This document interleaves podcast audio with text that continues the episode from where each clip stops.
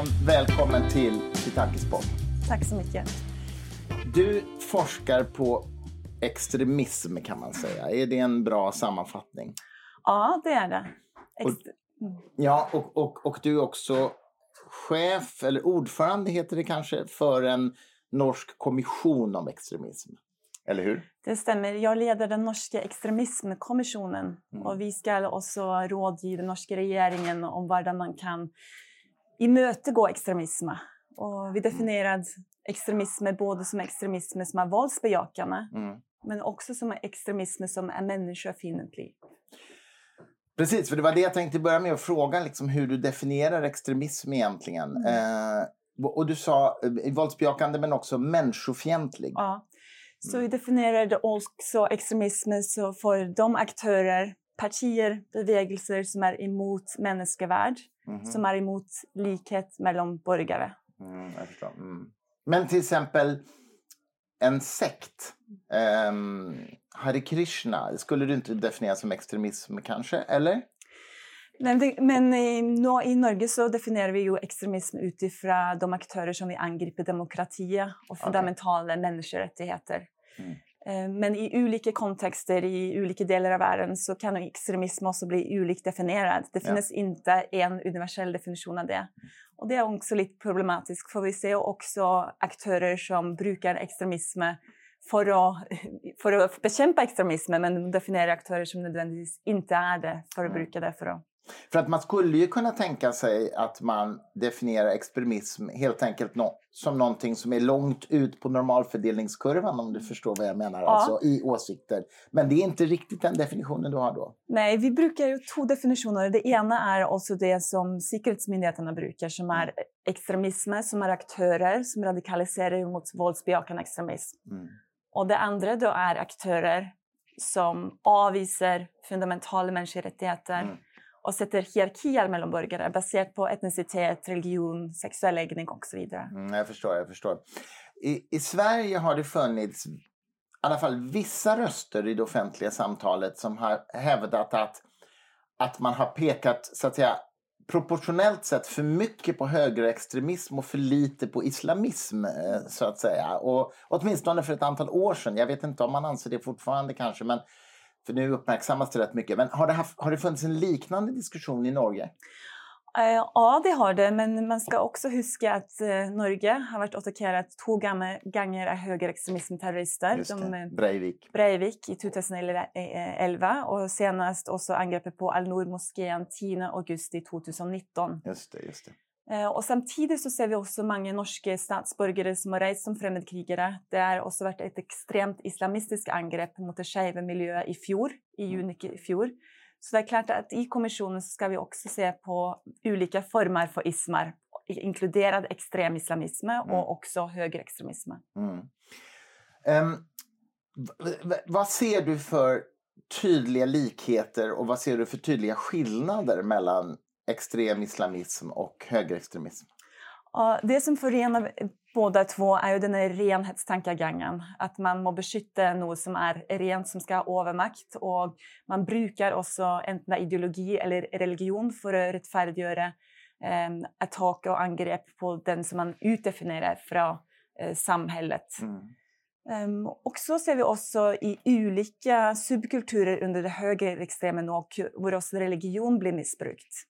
Religion blir missbrukt för att både legitimera projektet och bli missbrukt i rekrytering, Mm. propaganda och också i själva valsutförelsen. Så ser vi också hur extremislamisterna i jihadistbevägelsen lär sig också inspirera av trender i det extrema högermiljö, slik som gamification, alltså spelificering Mhm. av våld och också bruk av humor och, och memer. Så vi ser också hur dessa miljöerna också blir inspirerade av varandra. Mm, intressant. Men den högerextrema rörelsen åberopar inte nå- någon, så att säga, något gudomligt väsen för sina argument i alla fall. Och det är väl en skillnad? Det är en skillnad. Så det lovnaden om ett kalifat, alltså lovnaden om att uppnå, uppnå martyrstatus, Mm. lovnaden om paradis och gudomlighet. Mm. Den är inte lika tillstedevärelse i högerextremism som är mer motiverad av ja, ultranationalism mm. eller vit övermaktideologi. Tror du att det finns, finns det så att säga, en ytterligare fara i att åberopa gudomlig auktoritet. Alltså därför att, jag tänker, därför att det får man liksom inte ifrågasätta överhuvudtaget. Eller?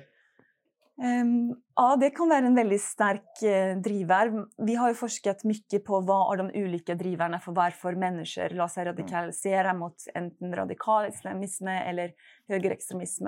Och, det vi ser är att det kan vara um, ekonomiska grunder, eh, social exkluderande marginalisering eller det kan också vara traumatiska livshistorier.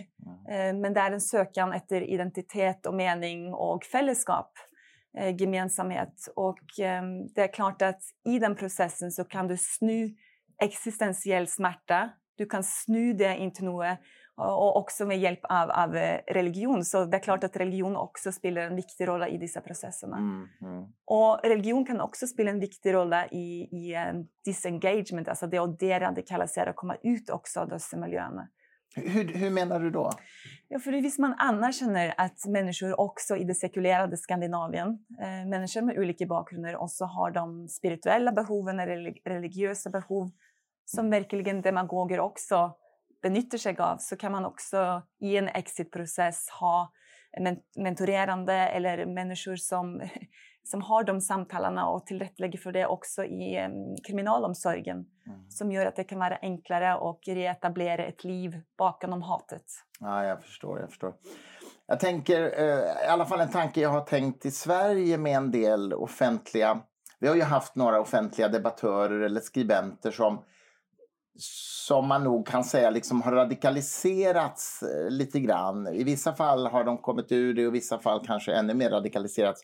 Och jag har alltid tänkt att den här utfrysningsmekanismen, att en, en, en journalist till exempel som skriver någonting som är lite utanför ramarna, den journalisten, för, i alla fall för några år sedan, fick liksom inga nya uppdrag eller fick liksom inte, blev inte riktigt okej. Okay och söker sig då till kretsar där man bejakade den här journalisten. Ja, det finns några sådana exempel, jag ska inte nämna några namn, men det finns några sådana exempel i Sverige. Och där tänker jag att den här radikaliseringsprocessen handlar väldigt mycket om att man blir utfryst ifrån en, en, en grupp som man vill tillhöra och då finner man en annan grupp som ger en kärlek. Förstår du vad jag menar? Absolut, absolut. Och det är mänskligt. För ja. alla vi människor vi söker ju anerkännelse mm. och kärlek. Mm. Eh, och också att bli sett och hört. Ja. Och om du erfarer att du blir utstödd från samhället mm. och att du blir latterliggjort, att du inte blir tagen på allvar istället för att ha ett rum där man kan vara oenig. Mm. Så i ett demokrati, och också när vi snackar om yttringsfrihet, det är det är mycket du ska tåla. Du ska tåla att vara fundamentalt oenig och du ska tåla att stå i det. Mm. Och samtidigt ska vi också ha beskyttande mekanismer för de som blir rammat av hatprat och de som också blir rammat av eh, också av prat som inte är straffbart men som kan vara smärtfullt. Mm. Um, men poängen här är att vi måste göra ramarna för den um, både samtalen och eh, hur vi relaterar till varandra brett förankrat så man inte har eh, individer, stämmer, miljö som följer sig agda. Mm. Och samtidigt måste man dra linjer så det är en jättesvår, en kontinuerlig balansgång. Ja. ja. Och hur tänker du att vi ska lära våra barn så att säga, eller våra unga att, att, att navigera i det här? Finns det strategier för det? Ja, det finns strategier för att fostra demokratisk resiliens och motståndskraft. Mm. Det kan man göra också genom utbildning, utbildning i ett klassrum. Eh, hur talar man om eh, innehåll i digitaliserat vardagsliv? Eh, vi vet ju unga nu som socialiserar. Jag har två döttrar själv och de är hyperdigitala. De är på jättemånga plattformar. Hur gamla är de? De är snart 13 och 9. Mm. Jag har en 13-årig pojke så jag vet. ah, inte sant? Och vi vet ju att åldersgränsen för de flesta sociala medier är 13 år mm. men det är inte alla, alltid det respekteras.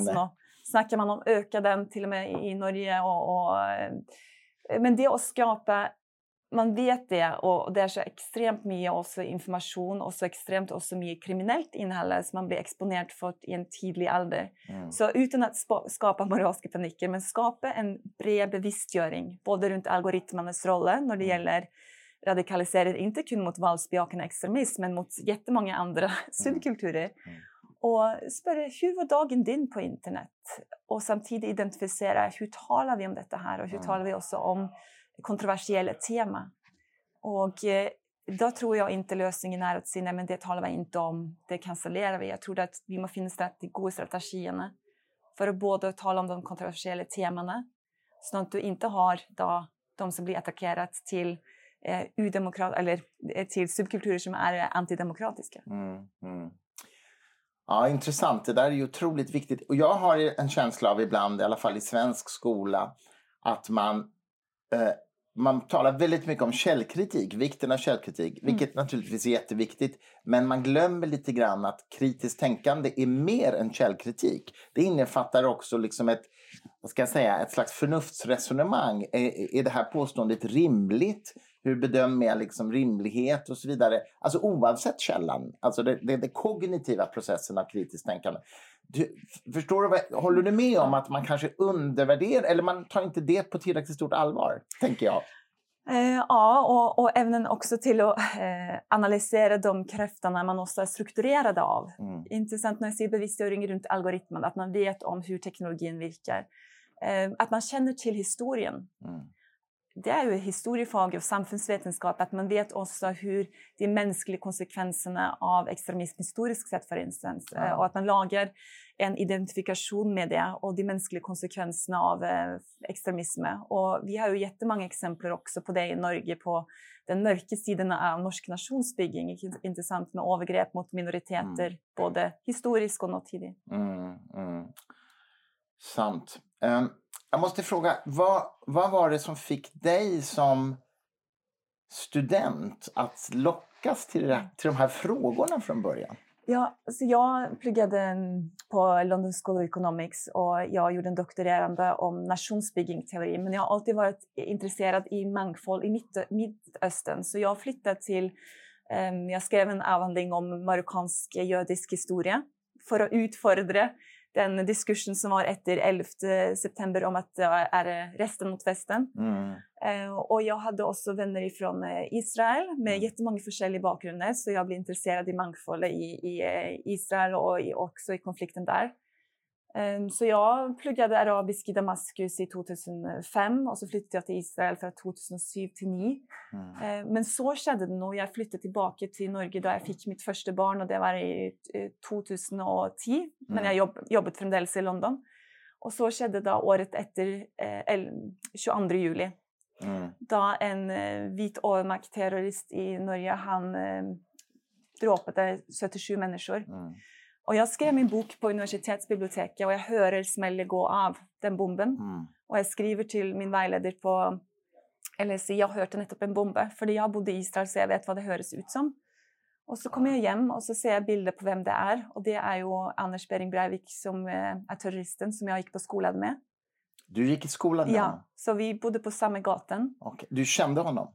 Um, jag vet av honom för han var tre år äldre än mig. Mm, mm. Men hela poängen som Osman Seierstad också skriver briljant om i sin bok En av oss är att det är en av oss. Mm. Hatet är, det är från våra skolor, våra hem, det in i oss. Mm. Så för att jag hade bott ute i Mellanöstern och bott i krigszoner och skrivit böcker om det i tio år så kom jag hem till det som jag trodde var väldigt tryggt och så säga ja. det är nog det, det är noe som inte är bra här i Norge. Vi mm. må bruka energi och tid på att känna de krafterna. Mm. Uh, så, ja. så, så, så det, jag måste fråga, är, är det en slags... Känner du en slags moralisk plikt att utforska detta? Uh, ja, och den har blivit mer moralisk uh, genom åren kan du mm. säga. För som antropolog är du, kommer du från en tradition av kulturrelativism. Du ska alltid skönna och du jobbar ofta med människor, du vill bli en stämma. Mm. Eh, men när jag har intervjuat, eh, jag började skriva böcker då om yttre höger och mm, jobbat både i England och Ungarn och jag skrivit en bok om nationalistiska responser till kriserna i Europa och mm. speciellt mm. flyktingkriserna i 2015. Och det är klart att det, det är det är klart att när jag ser de mänskliga konsekvenserna så ser jag att man, kulturrelativism är inte nog. Vi måste också stå upp för, för människor som blir eh, föreställt ut av nationen mm. och som blir attackerat. Och, och, och där måste man också ha en normativ och moralisk förpliktande till det. Mm. Nu hörs det otroligt moraliserande ut, men, men jag menar att det är Eh, detta är uppenbart för statsvetare, men, men i antropologin så har det varit mer nej, men man måste känna. Och, mm. eh, till och med um, antropologer som har jobbat med svenska yttre höger och vit maktrörelsen som har sagt väl man måste ha ett etiskt ansvar för att ge stämma och så vidare. Mm.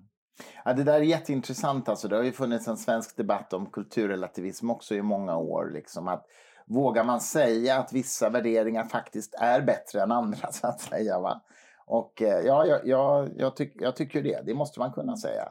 Ja. Um, men, men den där relativistiska synen har liksom legat som en hämsko. Det har bromsat det där, tror jag, i den svenska debatten i alla fall. Mm. Ja, och om du ser, ser, visar hur antropologer har jobbat historiskt så är inte de till universell moralism heller. Mm. De gjorde moraliska värderingar både när de jobbat för eh, kolonimakter runt omkring och så vidare. Så man har alltid, och, och om man nu jobbar med att avdäcka eh, konsekvenserna av rasism och extremism så är det mm. klart att då är det en stark moral och en stark normativism som ligger där. Eh, och vi vet att det att beskytta demokrati, vi ser en massiv tillbakaträckning nu av demokratier i världen. Mm. Eh, Indien, Brasil, Turkiet, USA också upp eh, under förre president. Och det är klart att när slika fundamentala demokratiska friheter blir attackerade det är då man också måste gå in i sin tid och säga att detta är värt att försvara. Frihet är värt att försvara. Mm, mm. Men du, när du, bo, när du bodde i, du bodde i Israel. Ja. Um, vad gjorde du då, så att säga?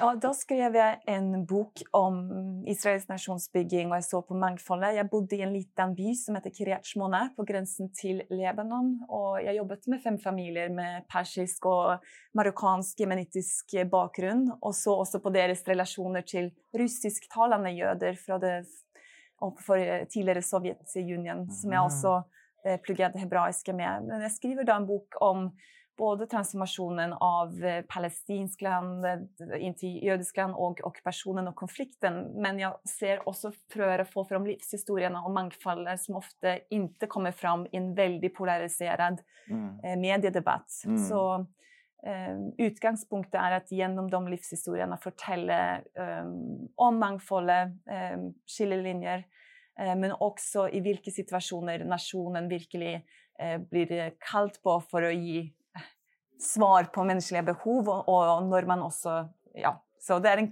lite kritik av statisk nations, eh, nationalism. Ja, jag förstår. V vad tänker du om det som händer i Israel nu? Jag skrev en bok om det i 2015. Om, jag bodde ju med de som stämmer på yttre höger också, på Meshas och Likud. Och redan då mobiliserade statsminister Benjamin Netanyahu dessa teman om vi måste ta vara på säkerhet och ekonomi och man såg också starten på en um, etnonationalism som mm. inte är inkluderande. Um, så jag tänker nog att det som vi ser i Tel Aviv är ju uh, uppmuntrande med massor protester också mot attackerande på um, högsträtt och på, på det juridiska systemet. Så, mm. så, men det är klart att jag prövar att vara hoppfull och att det finns uh, lösningar själv på väldigt långsiktiga uh, konflikter. Mm. Ehm, men det är klart att eh, det följer ju en utveckling som vi ser i andra demokratier också, vår, eh, vår maktdelningsprincip blir satt under press och så mm. vidare. Men det är i alla fall starka stämmor, så det är ju en, en eh, stark både opposition och, och mångfald av stämmor i, i medielandskapet också. Ja, jo, jo, precis. Jag tänker att Israel, liksom med den historia som finns och den rädsla för för att faktiskt landet ska förintas ja. så finns det ju liksom väldigt starka mm, känslor som kanske så att säga, i någon mening underlättar för den här nationalismen ja. att slå rot. Eh, tänker jag rätt om jag säger så?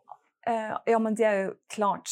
Det är klart det. Och uh, det att ha ett judiskt hemland mm. och det att det är definierat som det också i konstitution på mm. grund av historien med Shoah, med folkmordet på mm på eh, sex miljoner judar i levande minne. Så det är klart att det är också en, en bakgrund för detta här. Men det har skrivet många böcker också om eh, liberal nationalism och hur det är absolut möjligt att ha bägge delar. Både respekterande för mänskliga rättigheter, oavhängig bakgrund och samtidigt också ivaretag eh, ehm, det jødiske hjemlandet. Så det är ju en motsättning där, men det är, den ja, möjligt. Jag, och jag tänker också... Jag, jag hjälpte för ett par, par år sedan en, en um, bangladeshisk flyktingfamilj som kom till Sverige.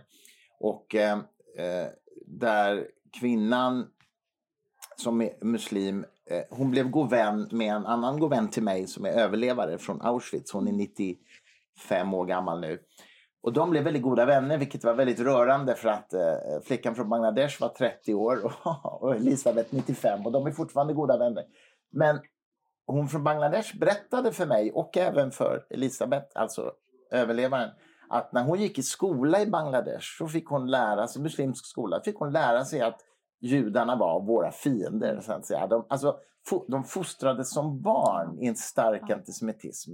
Vilket hon lyckligtvis helt har lagt bakom sig. Om hon ens någonsin har delat det, det vet jag inte. Men, men alltså det finns ju... Det, finns ju väldigt, det verkar finnas en stark indoktrinering av antisemitism ja. i delar av, av den muslimska världen. Va, har du någon uppfattning om vad det beror på till att börja med? Och det andra är, utvecklas det åt rätt håll eller åt fel håll tycker du just nu? Nej, men det är ett stort uh, utfordring och problem. Altså, antisemittismen är ju eldgammel, och att den tar rot i olika miljöer. Den uh, finnes både i högerextremism och, och i extremislamistiska ja. miljöer.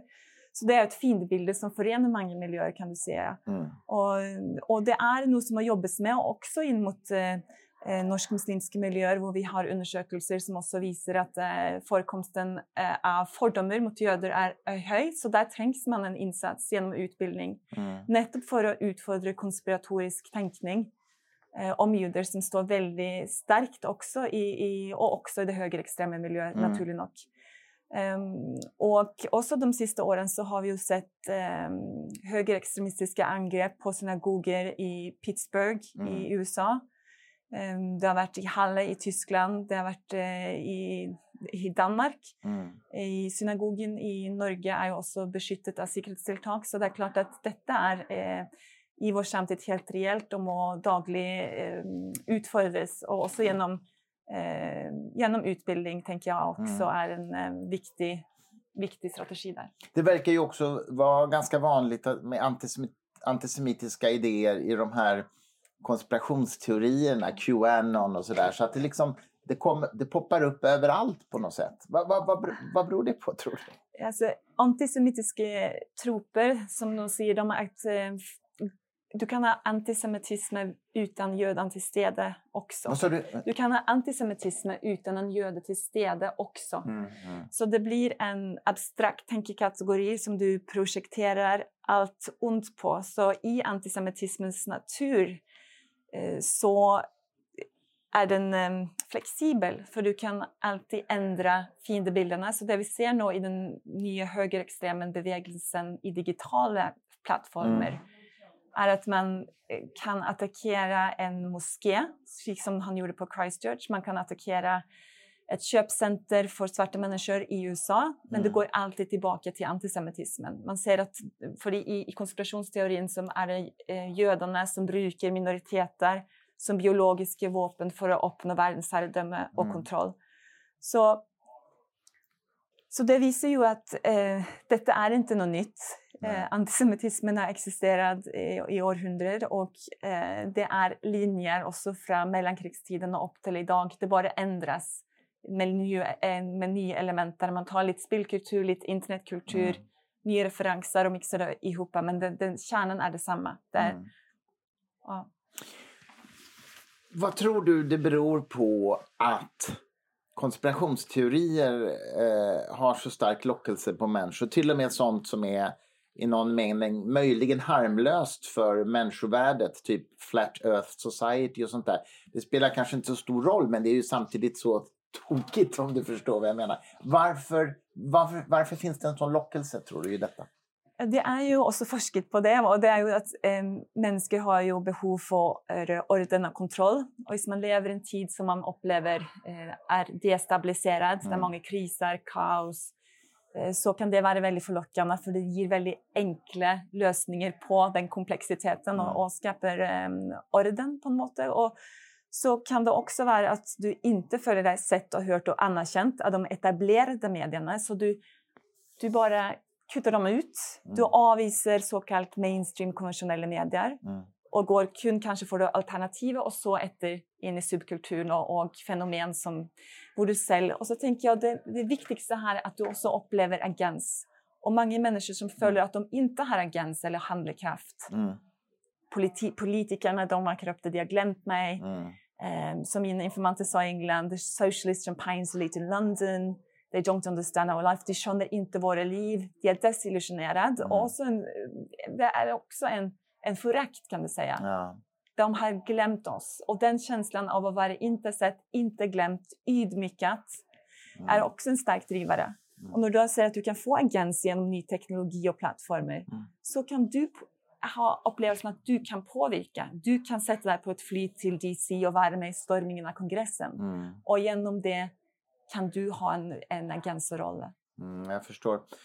Jag tänker också att en faktor, jag såg någon dokumentär om de här Flat Earth Society när de träffas och har sina konferenser och sådär. Så tänker jag att en faktor också är den sociala gemenskapen. Att det ser ut att vara människor som är ganska ensamma så att säga. Och så finner de en samhörighet och ja. andra att prata med på något sätt. Och det är ju äh. väldigt, det är lite sorgligt på något sätt. Absolut, men det gäller ju alla former för samhälle. Att man mm. söker bekräftelse, mening, identitet, fällskap. Mm. Uh, men det är också mer ensamhet, för mm. i många av dessa samhällen är också skärmmedierad. Så man sitter alene föran sin data. Mm. Men du går in i en slags sån spelificering och, och konspirationsteorier, för exempel Qanon-fenomenet, så är det ju koder som droppas och så får du, du, liksom, mm. du blir en del av ett slags eh, spill, mm. men du har en mörk sida. Mm. Eh, men när det gäller Flat Earth så är det klart att det blir en sån, också in real life, en, en fysisk samlingsplats och, ja. med meningsfällar. Ja, för att de är ju på något sätt ganska godartade i den meningen att de vill inte störta några politiker och sådär. Utan det, de, de, den här tokiga idén förenar dem i en social gemenskap på något ja. sätt. Och det är klart att de är ju inte något som man kan... De är inte ett problem på samma sätt såklart som en högerextrem. Mm. Men jag, jag, är ändå fascinerad över att människor kan så totalt liksom välja bort det rationella tänkandet. Alltså. Ja. Um, men de jag har studerat som är um, högerextremer i digitala subkulturer på mm. nät, um, de refererar till sig själva som rödpillade. De säger att ta den röda pillen, mm. det är en mm. referens från Matrix-filmen. Matrix, ja just ja. det. Precis. Och då ser du verkligheten skick den egentligen är. Och så avvisar du all etablerad kunskap och sanning. Mm. Du avvisar vetenskap. Mm. Och du avvisar konventionella medier och du avvisar forskare, du avvisar allt som inte är på toppen av detta föreställda hierarkiet som du mm. kan ta del i. Mm. mm. Så det ser vi ju tendenser till också, inte bara på dessa flatorna, men man ser också angrepp på sannet, angrepp på förakt för vetenskap. Ja, ja. Det påminner ju lite grann det här vetenskapsföraktet påminner ju lite grann om kreationiströrelser som förnekar evolutionen. Eh, och, och, som i princip, det spelar ju ingen roll vilken vetenskaplig evidens man presenterar så att säga. De bara säger nej, jag kommer inte tro på detta för att jag har den här religiösa kreationistbilden. Och det är ju, det är ju kanske också så att säga ganska harmlöst men, men det visar ju ändå hur långt man är beredd att gå för att förne- för att, med att förneka vetenskap för att slippa ändra sin tro. Liksom. Mm.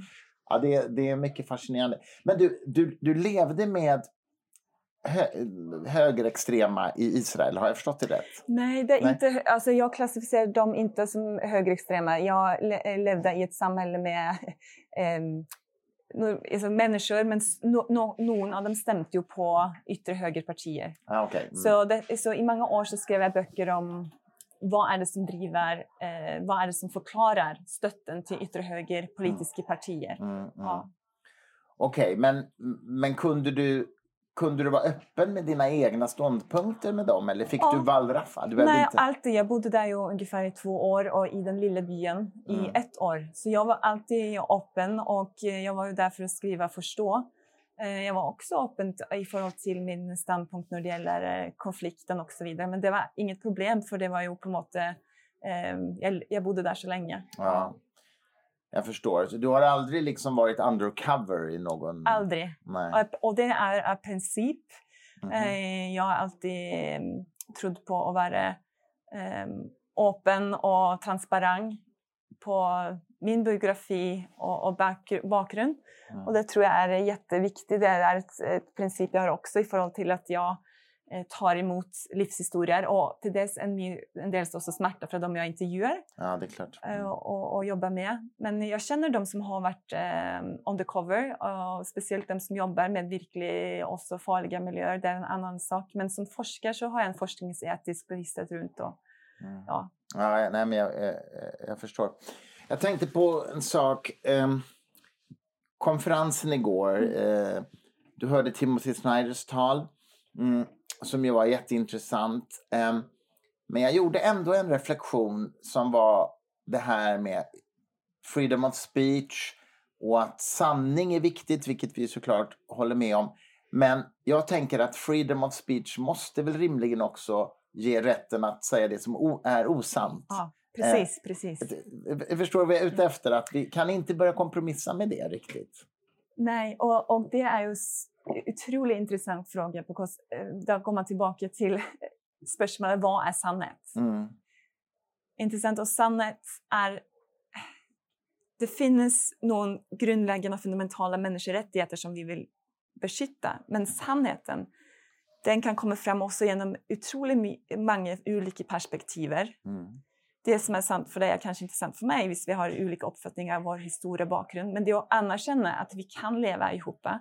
Jag anerkänner att du har en smärta knutet till det. Jag anerkänner omvänt. Men att man har många perspektiver och att ett demokrati och yttringsfriheten kan rymma det. Eh, Och inte minst rymma oenighet. Mm. Eh, Men så er det igjen disse linjene, fordi det jo også noe når Hva gjør man da i et samfunn når det er desinformasjon? Noen kaller det fake news når det er eh, konspiratorisk avvisning av vitenskapelige sannheter. Eh, og da er det jo på en måte den empatiske nyfikenheten. Eh, gå inn i den. Eh, samtidig også ha en bevisstgjørende som gjør at eh, den største majoriteten på en måte ikke fornekter visse vitenskapelige sannheter osv. Mm. Men, men, men jag tror det är otroligt viktigt att ivareta detta rummet för eh, mångfald och oenighet. Mm. Ja, precis. Därför att osanningar måste ju bemötas med sakargument, tänker jag. eh, Och inte tystas, så att säga. Nej, det må inte tystas. Och så må man heller utforska. Ja, sant, hva- man måste konfrontera selvfølgelig de konspiratoriske tänkande och speciellt de som har dehumaniserande effekt. För Mm. det, det kan vara farligt hvis Mm. for mange Mm. tror, och det har vi historiska exempel på. Ja. Ehm, Så man måste verkligen utmana dem och utforska dem, men samtidigt måste man också anerkänna eh, erfarenheter. Sant? Gå tillbaka till den mänskliga biografin. Okej, vad menar du med det? Så man måste utforska och utföra skrämbilder och, och eh, fiendebilder och samtidigt eh, få flest möjligt in i den samtalen också. Mm. Jag vet inte helt om jag... Ja. Jo, men, ja, men jag, jag förstår. Men, men mm, ja, pre precis. Det, för vi har haft en diskussion om det här i Sverige ganska mycket nämligen. Eh, liksom, vi hade ju Rasmus Paludan som brände en koran och det har ju försvårat vår inträde i NATO till exempel. Och där finns det då de som börjar liksom säga nu att nej, men vi kanske borde ändå förbjuda koranbränning så att säga. Ehm, hur, hur tänker du om det? Ehm, I Norge är det också inte blasfemiparagraf, blasfemiparagraf och det är ingen beskyttelse mot eh, bränning av heliga böcker. Ehm, Alltså det, man, man kan... man det, kan det. Du man kan får brä- det. Mm, Ja, mm. ja. Men jag har också i kommissionsarbete också, eh, talade med jättemånga, både norska eh, muslimer och också det norsk-judiska eh, samhället. Och det som jag tror är viktigt att få fram är ju eh, mekanismerna som det leder till. Man måste beskydda det det är lov innan, i Norge och det, det tänker jag det ska vara. Men man måste A, inte ge provokationspolitiker som, som den dansken i, i Sverige Mm, eh, eller andra kikaktörer som vi också har i Norge. Man måste inte ge dem uppmärksamhet de söker. Nej, de söker en publik. De Mm, söker visst. de söker provokation, de söker bilder av arga muslimer som de kan bruka i propagandarekrytering. Mm. Så man måste inte ge dem det. Och man måste heller också då myndiggöra de som drabbades av det mm, hatet. Mm. Så detta har ju då mänskliga konsekvenser, så det skapar frykt bland också norska muslimer som känner sig attackerade. Mm. Detta, för många jag intervjuat så är ju då eh, det kan också vara mindre religiösa muslimer, men det är ett identitetssymbol. Mm. Eh, men samtidigt då eh, skapa trygghet i att eh, vi står samman emot detta hatet. Mm. Du är inte alene. Mm. Eh, och trygga de miljön som känner sig utsatta av det och så inte ge för mycket uppmärksamhet till de som söker att polarisera, de söker att skapa. Mm. Nej, nej, verkligen. Det håller jag verkligen med om. Men, men, men du, du, du, jag tolkar det som att du ändå tycker att man ska inte använda lagstiftningen för att nej. förhindra det. Nej, så att det, och jag, det, på det sättet, jag kan också säga, jag bodde ju i Damaskus då eh, karikaturstriden gick på. Mm. Så jag vaknade upp och såg då norska och danska flagg med kryss över. Mm. Och eh, jag blev evakuerad från Damaskus och flydde ja. till Wien. Eh, som en resultat av det. Den danska norska ambassaden blev ju bränt ned ja, i Damaskus. Det. Mm. Så detta var ju ett verkligen tydligt exempel på hur virkelig eh, lokal lokal eh, muslimfientliga handlingar i Skandinavien kan få globala konsekvenser. Ja. Och det är också i denna medieter tidsåldern. Mm. Jag tycker också det är så problematiskt. Jag har ju muslimska vänner i Sverige som liksom säger så här, ja det är löjligt att teckna Mohammed men vi, vi bryr oss inte. Liksom.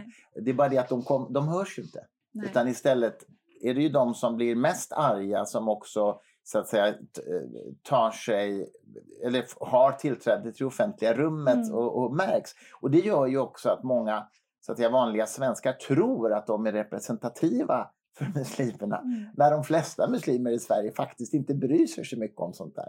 Och det är också farligt, för det genererar islamofobi. Tänker ja, jag. Ja, precis. Har ni samma problem i Norge?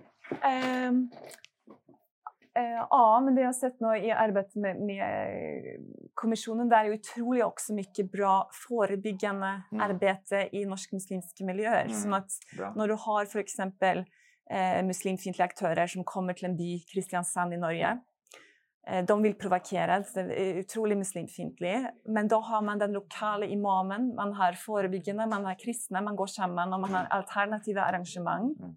Och man sätter detta på dagsorden och imamen säger vi beskyddar deras rättigheter till att demonstrera, även om det är muslimfientligt. Det är mm. en del av demokratin. Mm.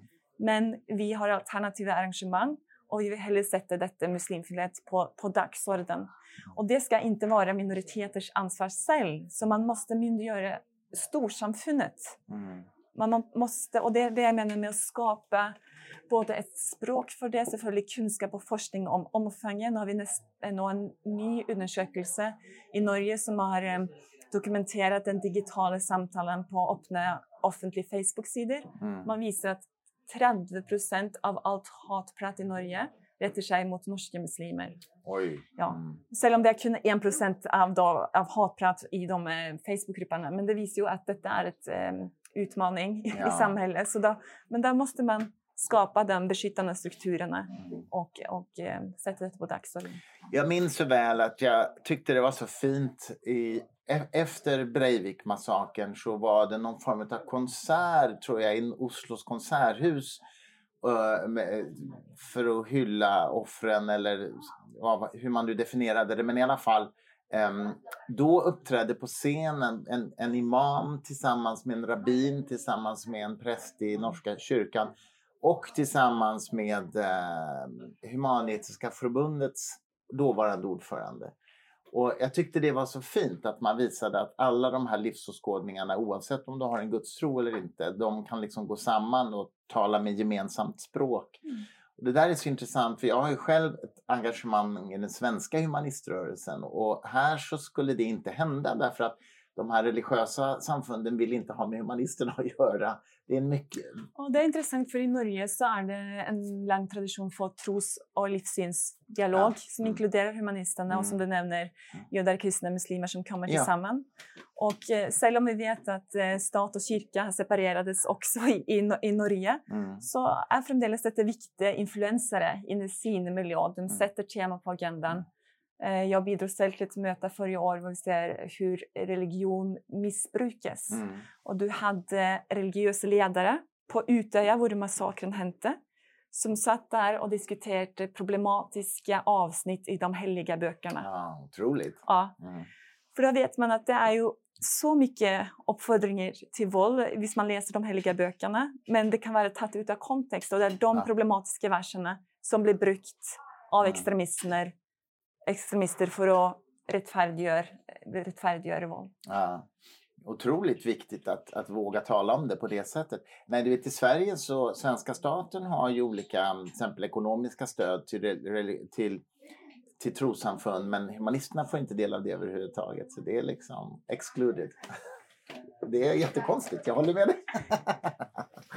um, har, har, i, ditt, vi ska strax avsluta men jag måste bara fråga en sak till. I ditt arbete med de här frågorna, har du någon gång Eh, har det påverkat din egen livsåskådning? Jag vet ju inte hur du definierar dig, om du är religiös eller inte och sådär, men har det liksom har det påverkat din egen existentiella reflektion att arbeta med de här frågorna? Ja, det har det. Och jag sa att jag också jag har haft en sån eh, eh, utveckling i förhållande till gå från kulturrelativism också till, till mer en moralisk och normativ antropologi så vill jag också säga att eh, ehm, ja, det vill jag absolut säga. Och, och jag har ju en eh, också form för, alltså jag har ju också en gudstro. Och, Mm. eh, Kristen? men nej, det är personligt, men jag tänker att Okej. det är eh, i de mötena som är väldigt starka också, så tänker jag att det är viktigt oavsett hur man definierar sig, Mm, att eh, anerkänna olika måter att vara människa på mm, eh, och inte avvisa, när jag snackar om mångfald, inte avvisa det. mm, Och i öppna liberala demokratier så ska det vara rum för att vara för olika människor mm, utan hur du definierar dig. Eh, Och eh, det tror jag är det fundamentala, det är att dela det vi delar som människor. Mm. Så det anerkänner vår fälles mänsklighet och samtidigt ivaretar både, både rättigheter till trosutövelse och, eh, Mm. och för minoriteter. Ibland tänker jag att det är ett, nästan ett språkligt problem att man talar om religion som en sak så att säga. Där, därför att det är ungefär som att man skulle säga är politik bra eller dåligt? Ja, det beror ju på vilken politik. Är religion bra eller dåligt? Ja, det beror ju på vilken, Mm. eller i vilken form så att säga. Mm. Även inom samma tradition. Så det, språket skapar ibland en alltför grovkornig, liksom, ett grovkornigt språkspel. Men det är intressant ändå att du säger att du, du upplever att du har, du har rört dig från kulturrelativism Mm. till normativ antropologi. Mm.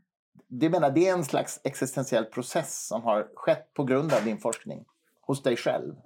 Ehm, ja, men jag tror jag, jag gick ju in i det här ehm, med, med, alltid med, med nyfikenhet och det är ett gott utgångspunkt. För Mm. där går du inte in med ehm, silor eller kategorier. Du, du eh, möter eh, erfaringen. Du är, eh, jag har alltid varit eh, upptagen att analysera makro, den politiska ekonomin, historiska händelser och så Mm. vidare. Men i det så ser man människa. Det är klart att genom alla dessa åren så ser, så ser jag också att ja, men det finns ju också dessa gränserna och det finns också att man måste ehm, stå upp för något som vi, ehm, är värt att, att beskytta. Och det är Mm. den fällesmänskligheten. Mm. Underbart. Jag tror vi landar där. Katrin, stort tack för att du var med i Fri Tankes podd. Tack så mycket.